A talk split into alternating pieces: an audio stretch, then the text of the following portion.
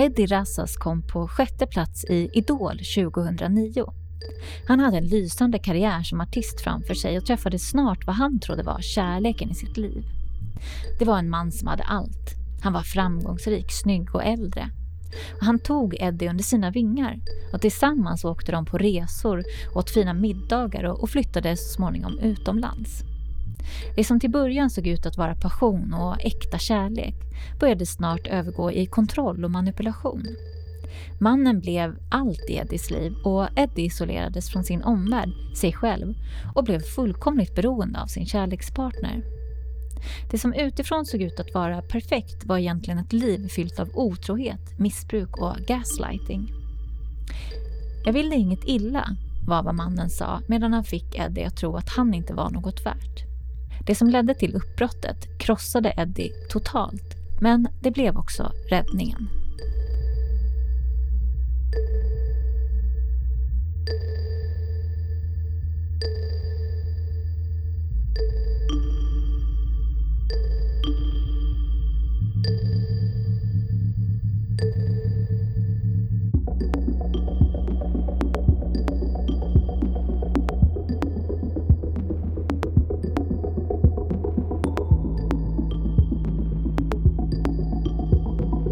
Välkommen till Medberoendepodden. Tack snälla. Hur mår du idag? Jag mår bra. Livet är bra. Um, jag har några saker och ting som måste bara avklaras, men annars så är det, annars så är det jättebra. Mm. På vilket sätt är det bra då, skulle du säga? Jag sa det här om dagen till en kompis. Um, att vara singel för första gången um, i mitt vuxna liv så, så har jag liksom ingen att liksom tänka på förutom mig själv. Och det har um, hjälpt mig jättemycket. Att bara vara själv. Liksom jobba, komma hem, la, laga min egen mat, liksom handla för mig själv. Um, träffa kompisar, träffa nära och kära liksom och bara, bara vara. Jag har nog aldrig känt så. Mm. Så på det sättet är det bra. Mm. Men du, eh, lite inledande så här för de som inte har koll på dig. Så vill du börja med att berätta lite om dig själv och vad du sysslar med och, och sådär? Jag började min artistiska resa genom att vara med i Idol 2009. Eh, um, ehm, och därefter så var jag med i ett band som det gick väldigt bra för tyckte jag. Um, och då turnerade jag hela Sverige och liksom gjorde roliga saker och liksom levde min dröm helt enkelt, min, min barndomsdröm. Um, och sen så splittrades den gruppen. Jag började skriva musik, göra musik för mig själv. Um, var med i Melodifestivalen. Och sakta men säkert så började jag inse att den där drömmen inte riktigt var någonting för mig. Um, och det blev en helt annat, ett helt annat fokus på um, på vad det bör vara. Liksom. Det här blev mer fokus på bekräftelse, att få bekräftelse från andra än att liksom och jag tappar bort liksom, kärnan av kärleken till musiken som verkligen var grunden till allting. Um, jag, jag la av musiken då 2015 och um, jag skrev under tiden, liksom egna texter och melodier och så vidare. Men det blev aldrig någonting som, som, som gjordes professionellt. Um, så det är lite om min resa. Liksom. Jag, det var mycket insikter. Um, många insikter. Och jag insåg att um, branschen är för smutsig för att, liksom, för att kunna vara i den. Förstår du vad jag menar? Att det blir liksom en, en kärleken till musiken togs bort helt liksom. Och det blev mer fokus på att vara med på sociala medier och synas och höras och liksom vilket är helt okej okay, men det är ingenting för mig. Hur är du som person då? Om du ska beskriva dig själv. Då eller nu? Mm, ja, du får båda kanske. Börja med hur det är nu då. Den jag är idag är väldigt lugn och harmonisk. Jag känner mig tillfreds med mitt liv. Jag, ehm, för att återgå till det andra, liksom, jag har aldrig varit själv. Så på det sättet så är det en helt, ett helt nytt sätt att se livet på. Än att gå runt och söka, söka, söka, söka liksom. Som det oftast var en gång i tiden. Um, det viktiga är att söka inom sig själv. Det känner jag att jag har gjort. Mm. Men du, vill du börja berätta lite grann om var du kommer ifrån, din uppväxt och sådär. Hur såg den ut? Min uppväxt, eh, jag föddes i Kista. Vi flyttade till Haninge när jag var sju år. Um, och min uppväxt har varit ganska normal, måste jag säga. Um, jämfört med det man har hört. Många liksom har berättat om. På vilket um, sätt normal? Nej men alltså, det har aldrig varit något missbruk. Liksom, ab absolut att mina föräldrar har bråkat ibland. Men det har aldrig varit någonting så här äh, traumatiskt på det sättet som har lagt spår.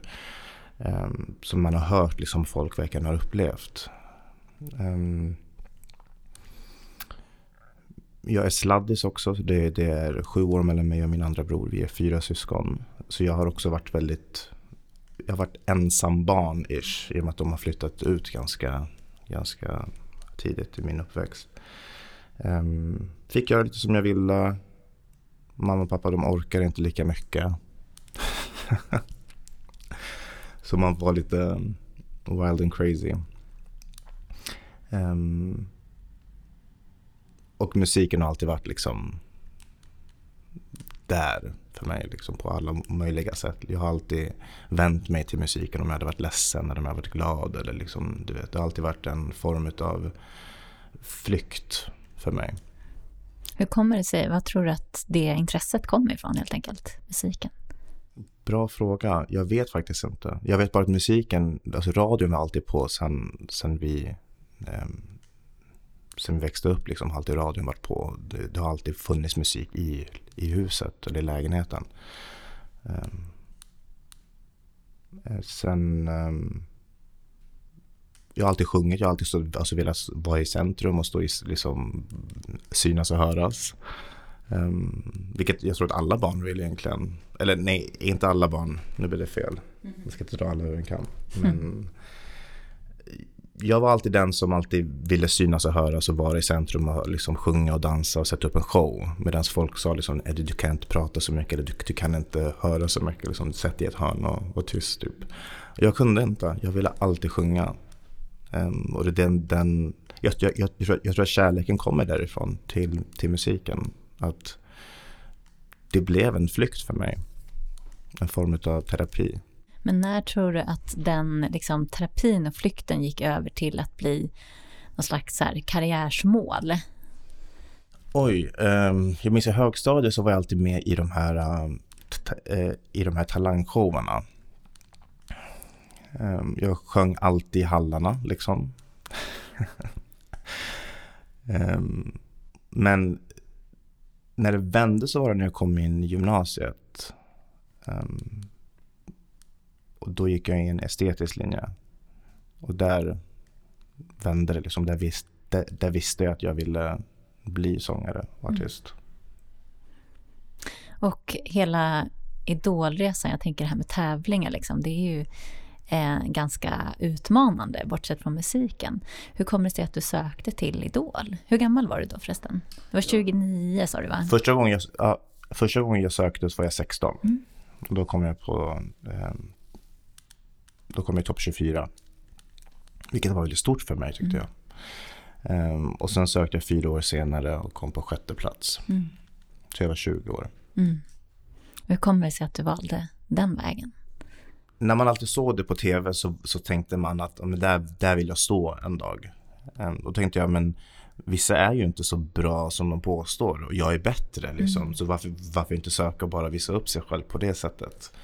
Um, jag ångrar det inte, absolut inte, utan det var, det var jättekul. Det enda jag hade velat ha från den tiden var någon form av psykologisk hjälp efter att man åkte ut, för det fick man inte på det sättet som behövdes tyckte jag. Det fanns en psykolog, så det ska jag ge dem cred för. Men det, det, det var ingenting liksom um, djupgående. Nej. Det var mest ytligt. Um, plus lite mer information om branschen och vad som ska komma sen. Lite mer utbildning kring liksom vad man bör göra, vad man bör tänka på. Mm. Det fanns inte, utan när man åkte ut så stod man där helt Jag tänker det här äh, att det är också någon slags att utsätta sig för något sånt.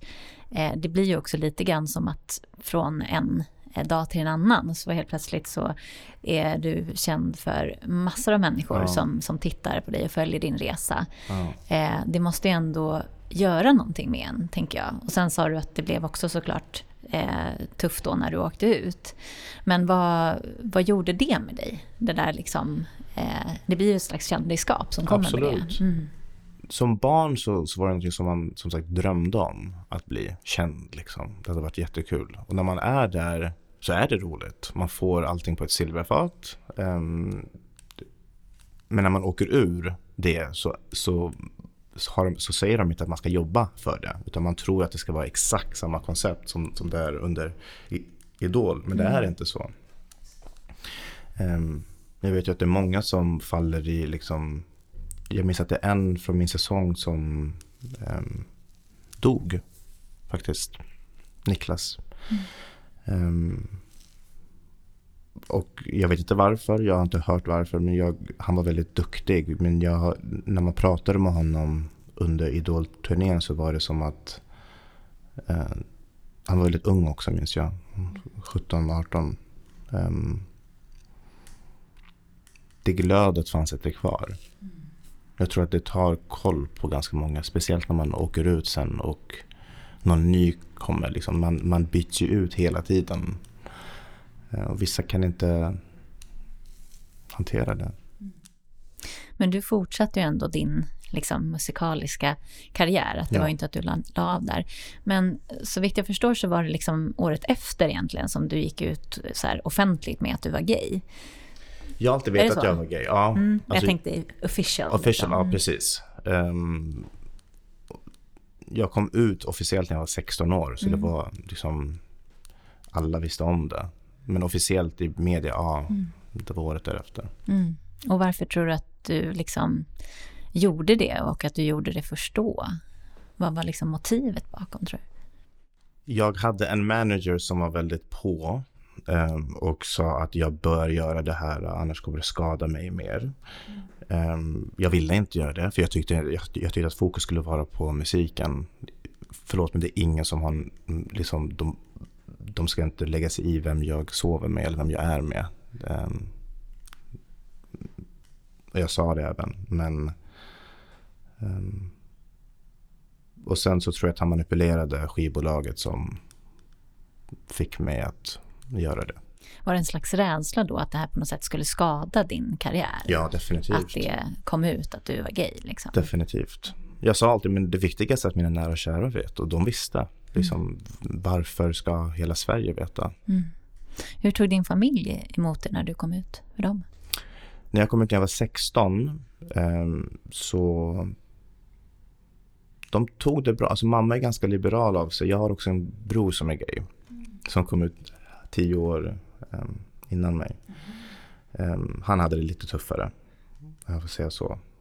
Så han la, som jag brukar säga, mattan för mitt fall. Ehm, nej, men det gick bra. Jag har alltid, alltså de, de, de älskar mig. Min familj älskar mig mer nu än någonsin. Och ehm, jag tror att de är stolta över mig. Mm. Faktiskt. Men jag tänkte då, eh, någonstans på tal om det här med offentligheten, liksom, att först offentligheten då i eh, ditt artisteri och liksom att du blir en känd idol, eh, till att också då bli offentlig i din liksom, läggning. Eh, påverkade det då uppmärksamheten? Jag tänkte det måste ju kanske påverkat att eh, du kanske fick mer uppmärksamhet, tänker från killar eller eh, märkte du av någon skillnad i samband med det? Ja, alltså när man åkte runt på turné och sånt så var det ju många som kom upp och ställde frågor och hur det är och liksom på det sättet, ja. Eh, och återigen, jag vill, jag vill inte att fokus skulle ligga på det utan fokus skulle ligga på den jag var som artist, inte, inte den jag sover med Nej. eller lever med. Ehm, tyvärr. Men jag tänker att det... Eh, vi kommer ju komma in på det här med relationer. Eh, och jag tänker att det är lite grann det är ju så i branschen, alltså att jag, ja, när folk liksom går ut offentligt så blir det som en, en ny våg, liksom, att då blir man lite kanske som ett, ja men så här, eh, jag tror om QX tror jag skrev om dig eller så, att det blir lite liksom, man säljer in den här nya stjärnan liksom och får lite uppmärksamhet från då gaykulturen och, eh, och den liksom sfären. Det är ju också en slags, nytt slags kändisskap kanske tänker jag. Nu Precis. pratar jag helt fritt så. Men eh, jag tänker att det är ju också ja, men just för bekräftelsebehovet, mm. tänker jag. Absolut, och det var ju då jag började märka liksom att men fokus är på något helt annat än vad jag vill att det ska vara. Mm.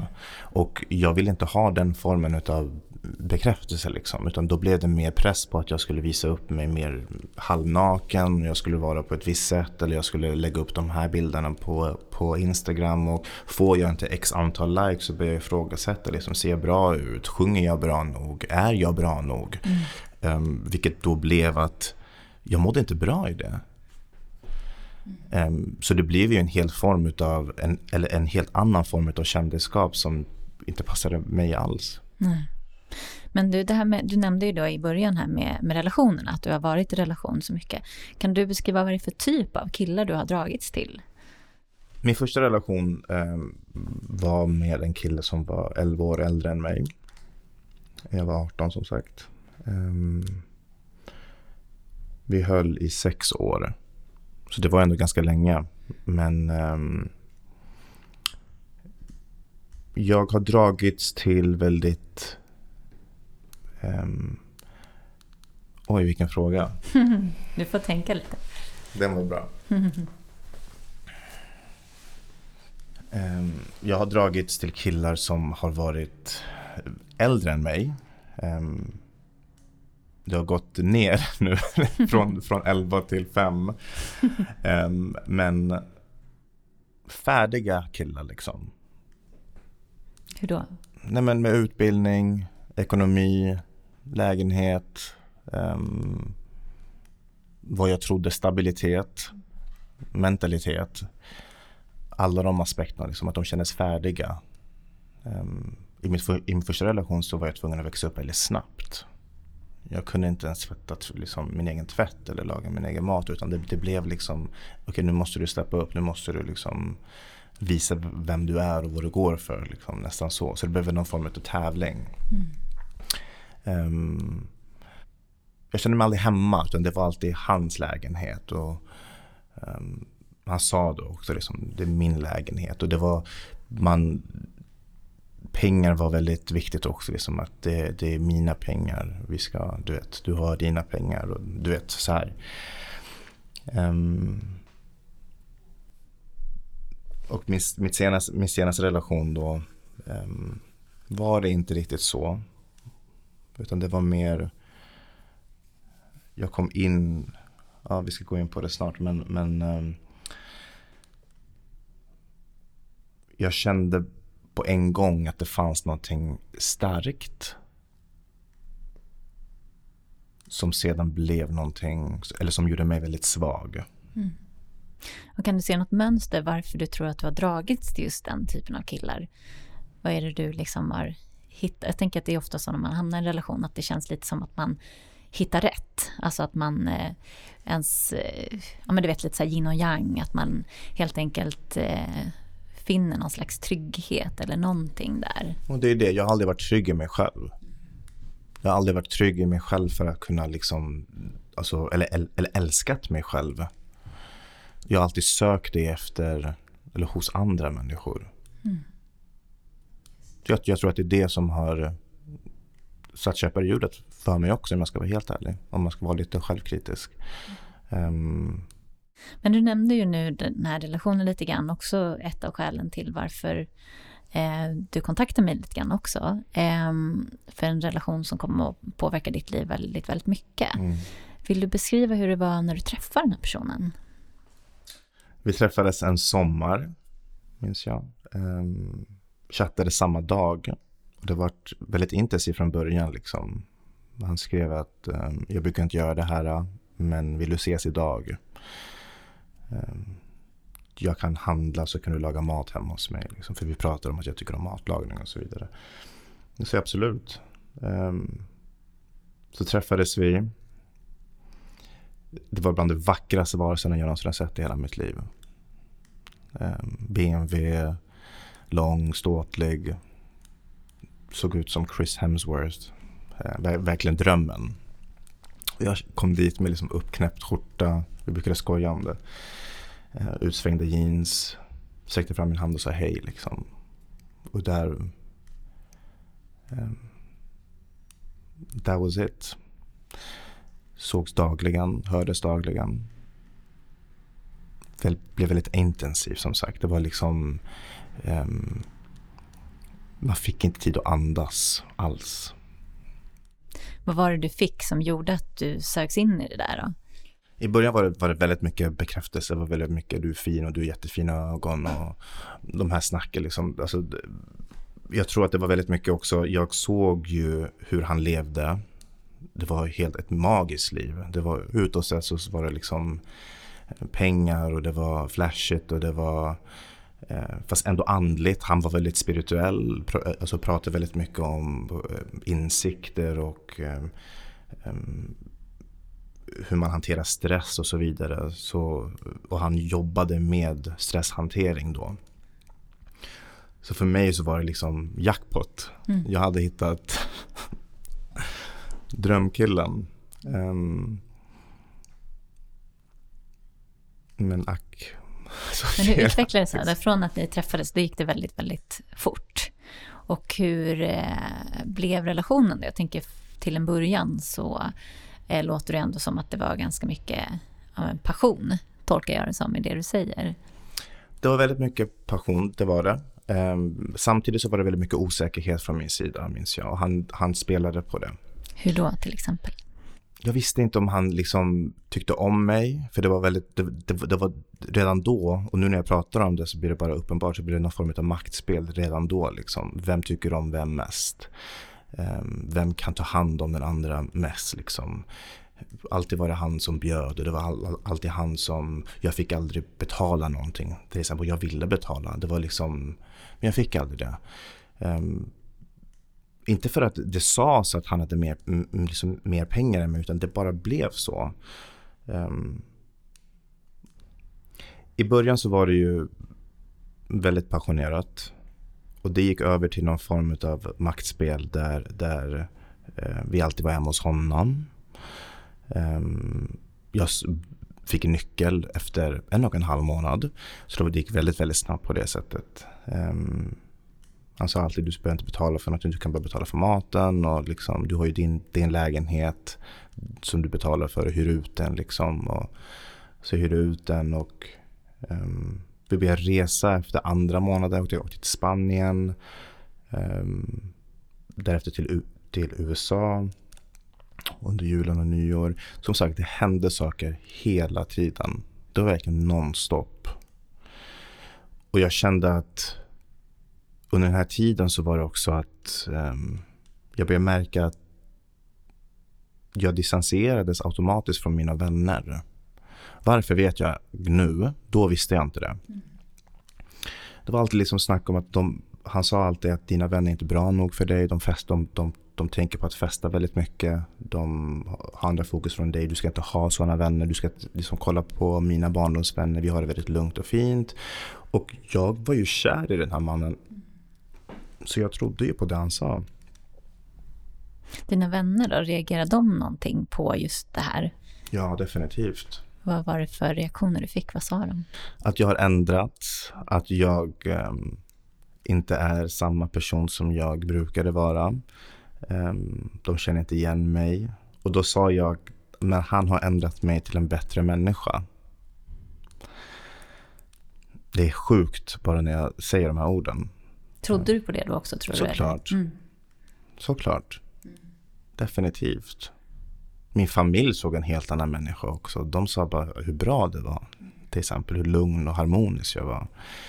Um, jag minns alltid att jag redan då, till exempel, träning var väldigt viktigt för mig. Är väldigt viktigt för mig också nu eh, igen. Jag fick inte gå och träna. Oftast var det att, att um, Ehm, han sa alltid att du ser bra ut som du gör, du behöver inte gå till gymmet. Och när jag gick till gymmet så frågade han, sa han alltid att jag tittade på andra killar. Ehm, vilket jag inte, verkligen inte gjorde alls. Så det var alltid någon form av kontroll där också. Vilket jag, i min värld, min bild av kärlek när jag var yngre då var alltså total hängivenhet. Och jag gav honom det. Mm. Jag trodde att det var respekt. Jag, jag trodde att det var kärlek. Att man ska kunna ge sitt allt till den man lever med, den man är med. Speciellt när han bjuder på saker och ting. När han eh, öppnar upp sitt hem och du vet är kärleksfull och bekräftar en. Liksom. Vill, vill forma en till en bättre människa. Jag började tänka på aktier. Han lärde mig det. Du vet. Alltså, det var så mycket saker och ting som jag ändå kände att jag stod i skuld till honom. Mm. Men nu förstår jag att det var kontroll. Mm. Men det här, äh, för någonstans så, det gick ju snabbt då. Men eh, när började du känna av det här som du beskriver, alltså det här med makten och det. Det låter ju som att i början det, det hände, men det kanske inte var någonting som du var medveten om, om jag förstår det rätt. Absolut inte. Eh, när började du liksom ana de här sakerna? Kan du se nu? När vi gick på parterapi våra sista år, mm. eller vårt sista år. Det var först då som du... Ja. Mm. Och vad var det eh, som hade liksom föranlett att ni började gå i terapin? Jag tänkte om allt var sådär eh, härligt och passionerat och bra. Nu hade det gått tre år sedan vi hamnade mm. där efteråt så det hade hänt mm. väldigt, väldigt mycket. Mm. Um, vi... Och vad hände de tre åren? Han fick ett jobberbjudande att starta upp ett av Sveriges största mäklarbyråer i, i Spanien. Eh, vilket han tackade ja till. Och jag flyttade ner för att hjälpa och bygga upp det här. Eh, jag stod bakom det mesta på hemsidan, alla annonser och så vidare. Det var jag som, som la upp allting och skrev texten och um, blev lite kontorsansvarig och säljare där också. Um, det intressanta här är att han sa alltid det här är mitt företag, det här är mitt företag. Alltid när, när vi hade gäster så sa de, men hur går det för ert företag till exempel? Och då, då påminde han mig alltid i smyg att du får aldrig nämna att det är ditt företag. Eller vårt företag. Mm. Det är mitt företag. Det minns jag nu. Um, så på det sättet så tror jag att jag var väldigt ensam där. Jag hade ingen. Han hade sin mamma. Um, jag, hade inga, jag hade inga vänner. Min familj var i Sverige. Jag fick alltid höra att hur, hur dåliga min familj var, hur, hur um, de inte respekterade mig, att de pratade dåligt med mig, att de ser mig som ett barn. Vilket gjorde så att jag tog avstånd ganska mycket. Och han var den enda som fanns där han var även min chef också, så då hade han kontroll över mina pengar också. Det här med företaget då, när han sa så, hur, vad fick det dig att känna liksom, i den situationen? Att han hela tiden poängterade liksom, att det var hans företag. Köpte du det eller reagerade du liksom, negativt på det? Jag tänkte att vi delade ju allting. Um, men jag, han poängterade också att hur mycket han jobbade hela tiden. Med, och att jag inte jobbade lika mycket. Trots att jag alltid, jag, jag hade nog aldrig jobbat så mycket som jag jobbar i Spanien. Mm. Men det var alltid att han jobbade mest. Um, så på det sättet så, så kände jag, ja men det är nog sant, jag ska nog inte säga så. Det är hans företag. Så jag köpte det. Mm. Mm. Och då bör jag säga, det är hans företag. I, alltså i de här sammanhangen då. Och ge honom cred för det det är ju som du säger, det är ju någon slags process då när man eh, tappar sig själv eh, i en sån typ av relation som du beskriver. Eh, det här med musiken då? Hade du helt lagt ner det eller hur? Jag skrev musik jag skrev och jag musik. sjöng på, på dop och så vidare. Um, och när vi pratade om det här, till exempel så fick jag ett, ett erbjudande från eh, Guy Ritchies castingbolag när, när de höll på att söka efter Aladdin. till den här filmen som, som kom ut för några år sedan. Då kontaktade de mig för de ville ha en kille från Mellanöstern som kunde sjunga och, och spela. Um, jag fick manus och allting för att kunna provfilma. Men mitt ex sa då att jag inte får göra det här för om jag gör det så, så vill han inte ha något med mig att göra. Han vill inte ha en känd partner. Och han vill inte att våra framtida barn ska ha en känd partner. Eller eh, känd pappa, förlåt. Vad tänkte du då? Vad kände du då? Eh, total hängivenhet. Mm. Jag skulle lyssna. Han har helt rätt. Jag vill inte leva i den världen. Liksom. vi hade pratat mycket om bekräftelse och att han sa att jag är väldigt bekräftelsesökande. Um, han sa det hela tiden faktiskt under alla våra år. Um, bara om jag ville ha någon form av kram så var det åh, oh, du är så bekräftelsesökande. Um, och jag hörde det hela tiden och då kände jag om han säger så så måste det stämma. Mm. Jag ska nog inte göra det. För det var fel av anledningar. Jag fick inte heller hålla på med musik för han ville inte att jag skulle vara känd. Och vad tänkte du kring det då? För jag tänker musiken har ju varit så stor del av ditt liv tidigare. Återigen, jag lät det hända. Um, för att jag trodde att det var det bästa för situationen. Alltså, jag var ju förlovad också, så på det sättet så trodde jag att okay, om det är det här han vill så måste jag respektera det. Och vad var det för framtid som du såg då? Eh, när du tänkte liksom på när, den där ringen och förlovningen. Och, vad såg du framför dig? Barn, villa, hus, Volvo. Alltså det, drömmen. Liksom var, antydde han då det att liksom det är det du ska få, det är det dit ni är på väg? Ja. Mm. Um, vi hade gemensamma mål och drömmar. Vart de gick har jag ingen aning om. Men han visste att alltså, nästa steg i mitt liv är att ha barn. Vilket var hans dröm också. Men det var alltid när jag skulle ändra mig, då skulle vi få barn. Eller skaffa barn. Men hade han någon slags, eh, när du säger att du skulle ändra hade någon slags idé om vad det var du skulle, hur du skulle bli? Alltså vad var det du skulle ändra dig till? Nej. Ingen aning. Det var så mycket saker. Det, det, det, var så mycket saker och ting som bara förvirrade min hjärna. Liksom. Det var, jag skulle vara um, mindre bekräftelsesökande. Jag skulle vara mer snäll eller jag skulle vara mindre arg. Det var så mycket olika saker och ting som jag skulle ändra mig på som till, till slut blev en helt röra i mitt huvud. Mm. Men vardag då, liksom hur, om du beskriver en, en typisk vardag i er relation, hur såg den ut skulle du säga? När, när du ställer den frågan så jag kan fortfarande inte förstå hur jag kunde existera i, ett, i det förhållandet. Um, inte för att det inte finns några ord, men det är liksom, de bara fastnar i magen. Alltså, det, det, det blir för mycket. Hans energi var sjukt intensiv. Hur då um, till exempel? Bara när han kom in i ett rum så kunde man känna hur luften skiftade. Mm. I början så var det som att man gick på äggskal som sedan blev nålar som sedan blev ett minfält. Man visste aldrig liksom vad som skulle göra så att det skulle explodera. Um, som sagt, utåt sett så var han en ängel. Ingen kunde ana någonting. Hans vänner och familj vet fortfarande inte. Liksom. Alltså, det är ju jag som är det bäga i allting. Um, trots att de vet om missbruket och hit och dit. Men, men um, och att leva i den här ångesten dagligen. Det tog koll på mig. Jag fick alltid leva i skammen. Jag fick alltid liksom um, vara det bad guy. Jag fick alltid svälja också. Hade jag rätt så var det som att jag alltid hade fel också.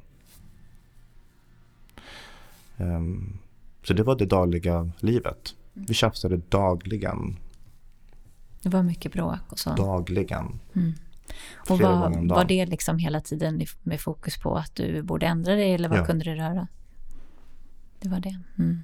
Du nämnde missbruk där. Mm. Fanns det missbruk med i bilden också? han är uppvuxen med en mamma som är alkoholist. Mm. Um, och har varit den omhändertagande barnet Mm. sen, sen tidig åldern. Um,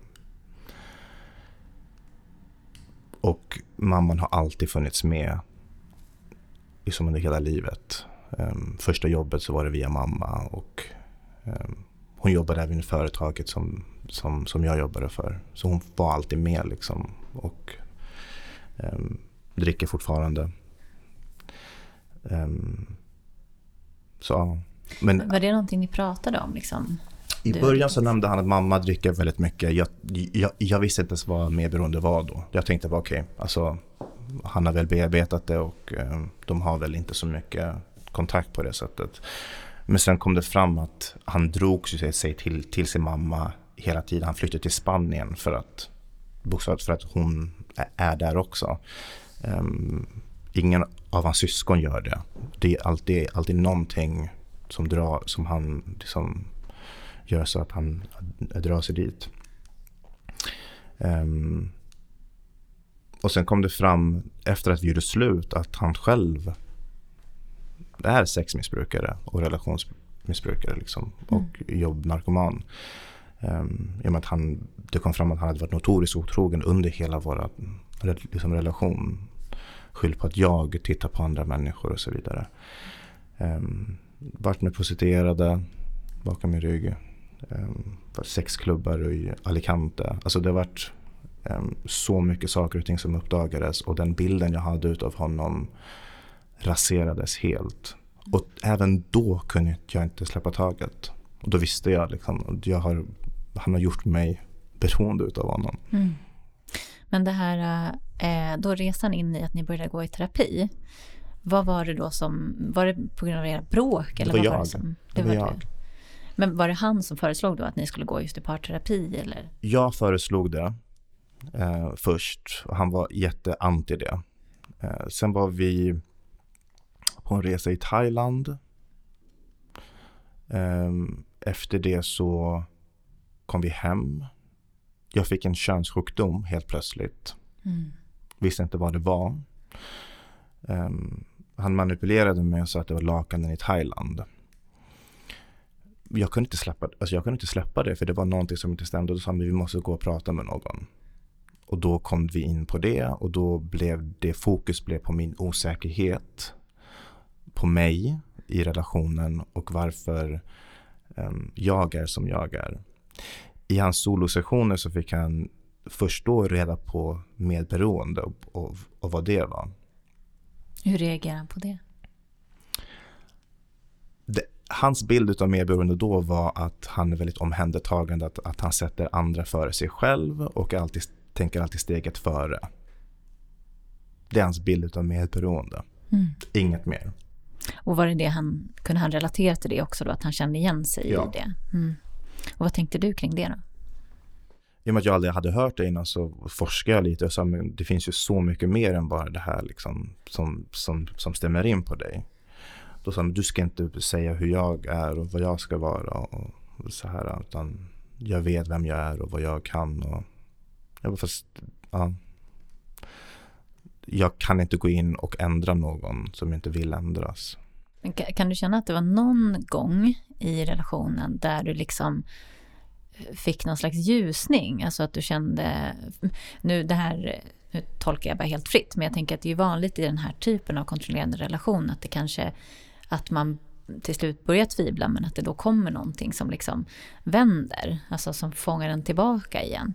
Har det funnits några sådana liksom situationer där du känt att det du har liksom börjat tvivla på, att du får det motbevisat eller att det är någonting som liksom ger hopp eller... Absolut. Vi gjorde slut förra september förra året alltså. Mm. Ehm, och då uppdagades hans missbruk då med vad han, vad han hade gjort bakom min rygg. Ehm, han åkte hem hit och jag var i Sverige då och då bad han om ursäkt och jag ska ändra mig och och han öppnade upp sig väldigt mycket och sa saker och ting som jag egentligen inte ville höra. Men jag tror att det var han behövde göra det för att det var så mycket som låg inombords. Um, bland annat med att han hade varit med prostituerad och så vidare. Um, vilket jag inte förstår. Han ser ju hur bra ut som helst. Varför ska man vända sig till sådana typer? Mm. Tänkte jag då. Men det var ju som sagt en form av flykt, mm. en spänning. Mm. Um,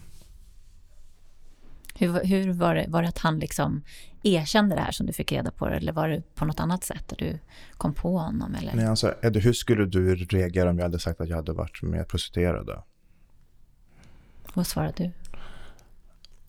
Jag svarade, jag vet faktiskt inte. Har du det? Mm. Då sa han ja. Jag sa, jag tror inte på dig. Du får visa det på något sätt. Och då kontaktade han en av dem och frågade hur mycket det skulle kosta i 30 minuter. Och då fick han svar, liksom 15 euro. Mm. Um, och det var så här, jag blev så chockad. Så här, vem är du? Vem har jag levt med under alla dessa år? Mm. Vem är människan som dök upp mitt i natten för att ge mig en puss? Alltså, vem är du? Så på, så på det sättet så när han kom hem och vi skrev typ ett avtal om vad vi skulle göra um, med total liksom, eh, transparens i och med att han bodde i Spanien och jag bodde här. Att vi skulle, han kom på att vi skulle se varandra i realtid på Hitta, en app. Eh, vi skulle alltid kunna fråga vart vi är och vi ska, vi ska kunna facetima. Så det var den kontrollen som han ville ha gjorde mig glad för det var så här, okej okay, men nu, nu vill han att det här ska funka. Och för mig så blev det liksom, inte gulligt, men det blev någon form av liksom, okay, men han vill det här. Då. Annars hade han inte för, alltså, sagt de här sakerna som vi ska göra. Förstår du vad jag menar? Mm. Så det var svar på din fråga. Då alltså, blev det en vändning. Men det jag inte visste var att han under den här tiden byggde upp en annan relation med någon annan bakom min rygg i Spanien. Hur, hur fick du reda på det? När fick du reda på det? I och med att vi hade eh, gett varandra alla våra lösenord och så vidare. Jag, ble, eh, alltså jag var ju jag känner inte igen mig själv i den situationen. Jag blev själv väldigt kontrollerande. Jag har aldrig varit så hela mitt liv. Första gången i mitt liv så var det som att okej, okay, jag måste veta, jag måste veta, jag måste veta. Um, det, det var konstiga mail som dök upp och hans... Um, som du fick eller? Ja, alltså jag hade ju lösenord till alla hans, eller vi, vi hade ju delat upp så att, så att ja, vi, alltså vi hade tillgång till varandras konton, mail och Facebook och så vidare. Var det en ehm, del av den här uh, avtalet? Ah, Exakt. Mm. Um, så det var så jag fick reda på det. Mm. Och vad kände du då? Jag har nog aldrig varit så krossad i hela mitt liv som jag var då. Var den, det här rörde sig liksom mer om en relation och inte någon tillfällig. Jag tänker att gå till prästerade och gå till sexklubbar och sådär. Det låter ju som ganska tillfälliga saker. Rörde det här sig då om en, en, en faktisk relation? Ja, mm. så vi hade ju eh, köpt en lägenhet i Spanien. Eh, som jag var med och ritade. Jag ritade köket och badrummet och allting. Jag fick aldrig se det här. Eh, en, en dag så ringer han mig och säger att han inte vill det här mer och att min osäkerhet har tagit över för mycket.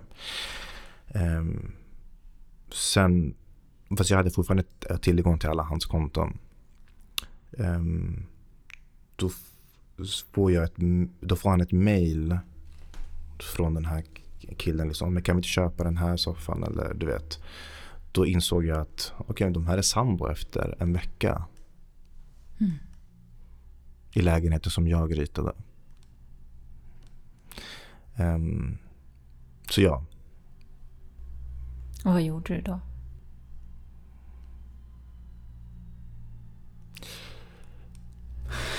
Mm.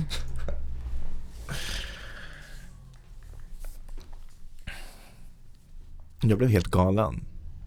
Jag blev helt galen. Jag började liksom slänga saker hemma. Alltså jag var helt galen. För han hade, han hade dels blockerat mig överallt. Um, den känslan av att bli utbytt så snabbt. Jag skulle inte ens vilja lägga det på min värsta fiende. För det är så sjukt. Nu förstår jag att han inte kan vara ensam. Att det är en form av alltså, flykt för honom också. Um, jag, jag, jag tycker synd om honom nu. Jag gör verkligen det. Um, men då var det, alltså det var helt fruktansvärt. Men nu, du säger liksom nu, eh, med det du har idag, liksom, vad, vad är det liksom som har gjort att du har på något sätt kommit att förstå och se de här mönstren? Vad är det som liksom har, har fått dig nu att tala i termer om liksom makt och kontroll och, och sådana saker? Jag har ju dels eh, sökt hjälp själv. Så det har gett mig mycket insikter. Mm. Um, gått i terapi? Gått i terapi, precis. Mm. Um, pratat med vänner, mm. läst böcker, lyssnat på din podd. Mm. Och jag har fått så mycket insikter under de senaste månaderna. Och träning har hjälpt mig jättemycket också. Jag gick från att väga 110 till 89 på väldigt kort tid um, med hjälp av träningen. Um, jag hade tappat bort mig själv helt. Och det gav mig någon form av fokus. Att jag kunde få ur min ilska eller min um, sorg eller vad jag än kände liksom. Mm. Um, och klarhet gav det mig Hur reagerade folk i din omgivning då?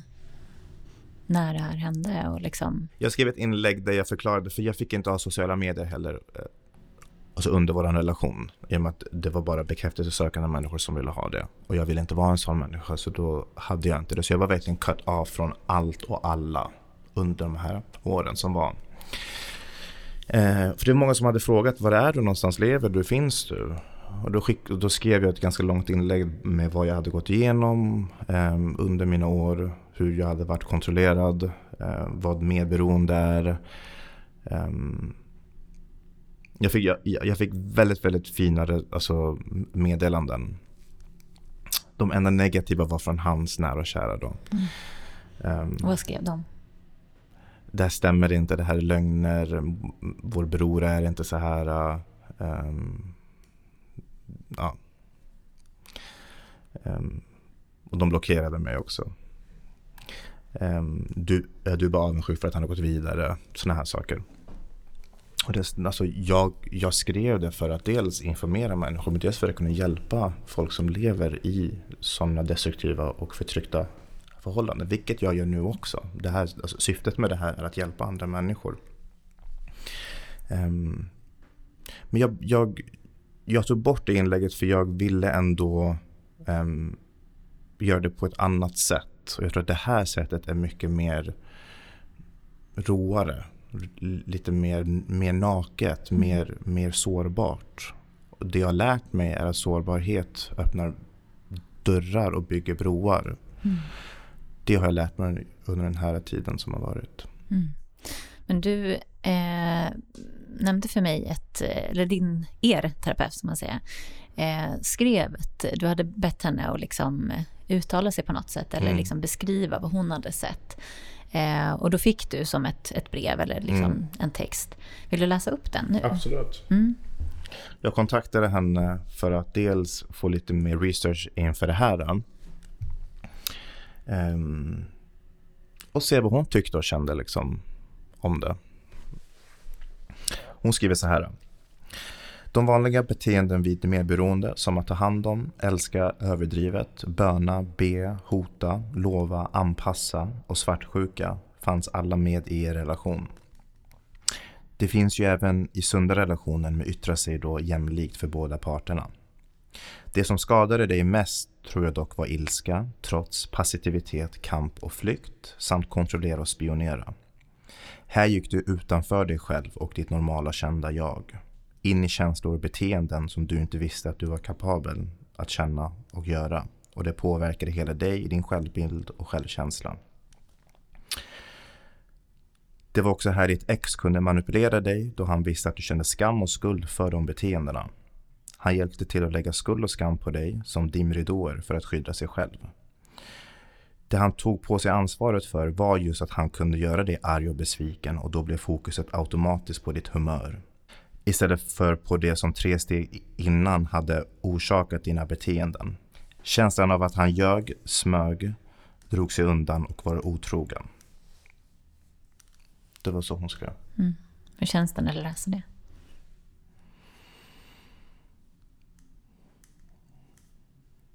alltså jag... Att få det svart på vitt är väldigt bra tycker jag för mitt tillfrisknande själv. Att allting inte var mitt fel. För jag trodde verkligen det. Jag tycker synd om det barnet som bor inom honom, som fortfarande lider. Ehm, men skönt också, för att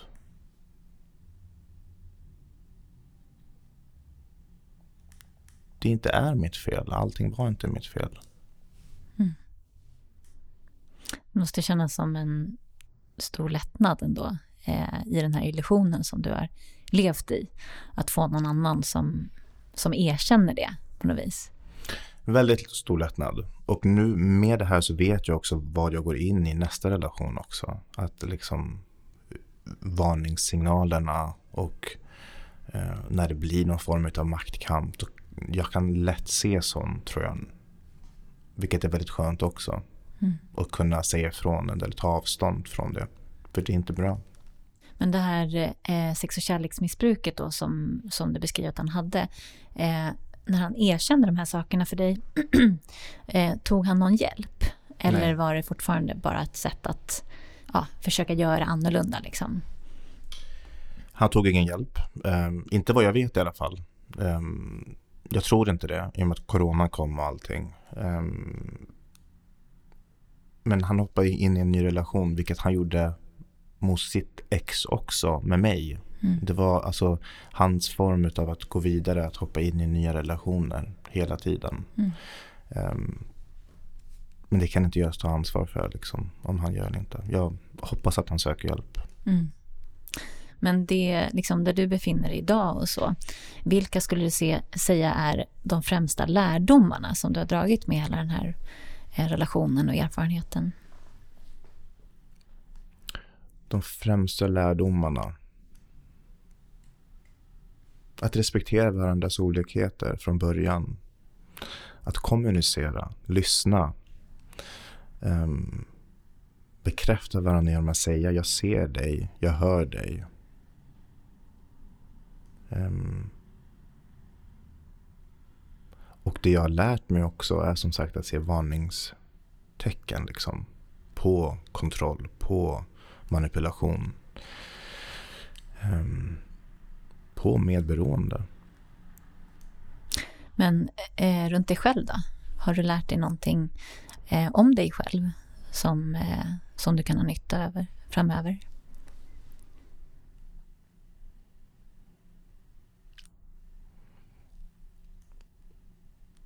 Bra fråga. Ja. Um. Att jag duger. Mm. Att jag inte behöver anpassa mig till någon annan längre. Utan hittar jag någon så ska den människan älska mig för den jag är, oavsett vad. Mm. Fint. Om du har Eh, jag tänker att det finns ju garanterat många människor som känner igen sig, framförallt om man har den här medberoendeproblematiken, att man lätt dras till personer som, har, som är gränslösa på olika sätt och eh, manipulativa och så. Har du några råd?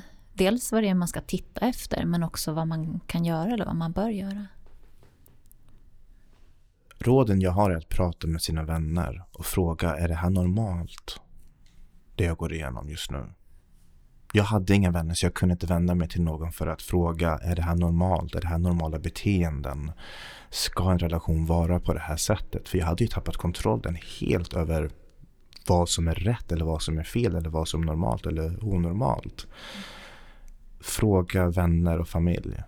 Ta kontakt för de kommer alltid älska dig oavsett vad. Mm. Jag önskar att jag hade vänner och familj. Eller kunde öppna upp mig och prata. Jag fick inte prata med några av mina vänner eller arbetskollegor för det var hans anställda. Då fick jag inte ha någon kontakt med folk utan utåt sett var allting frid och fröjd. Mm.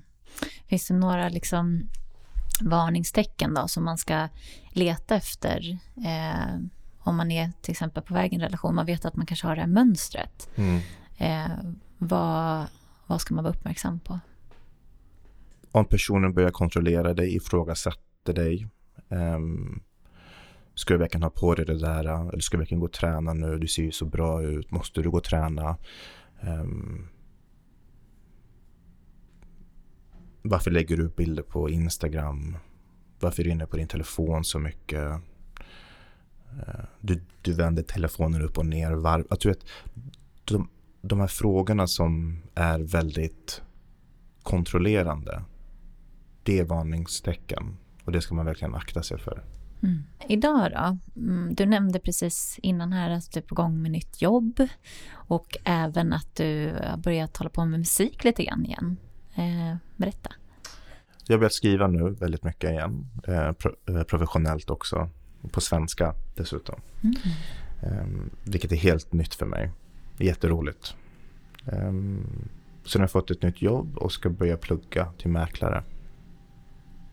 Det känns som att du eh, bygger liksom ditt eget liv och eh, den du är och liksom bejakar det på ett sätt. Verkligen, och jag känner det också. Mm. Jag, som jag sa i början, jag lever för mig själv, har bara ett liv och lever en gång. Varför inte göra det bästa av situationen mm. och ta vara på det än att tänka på vad andra tycker eller vad andra ska känna eller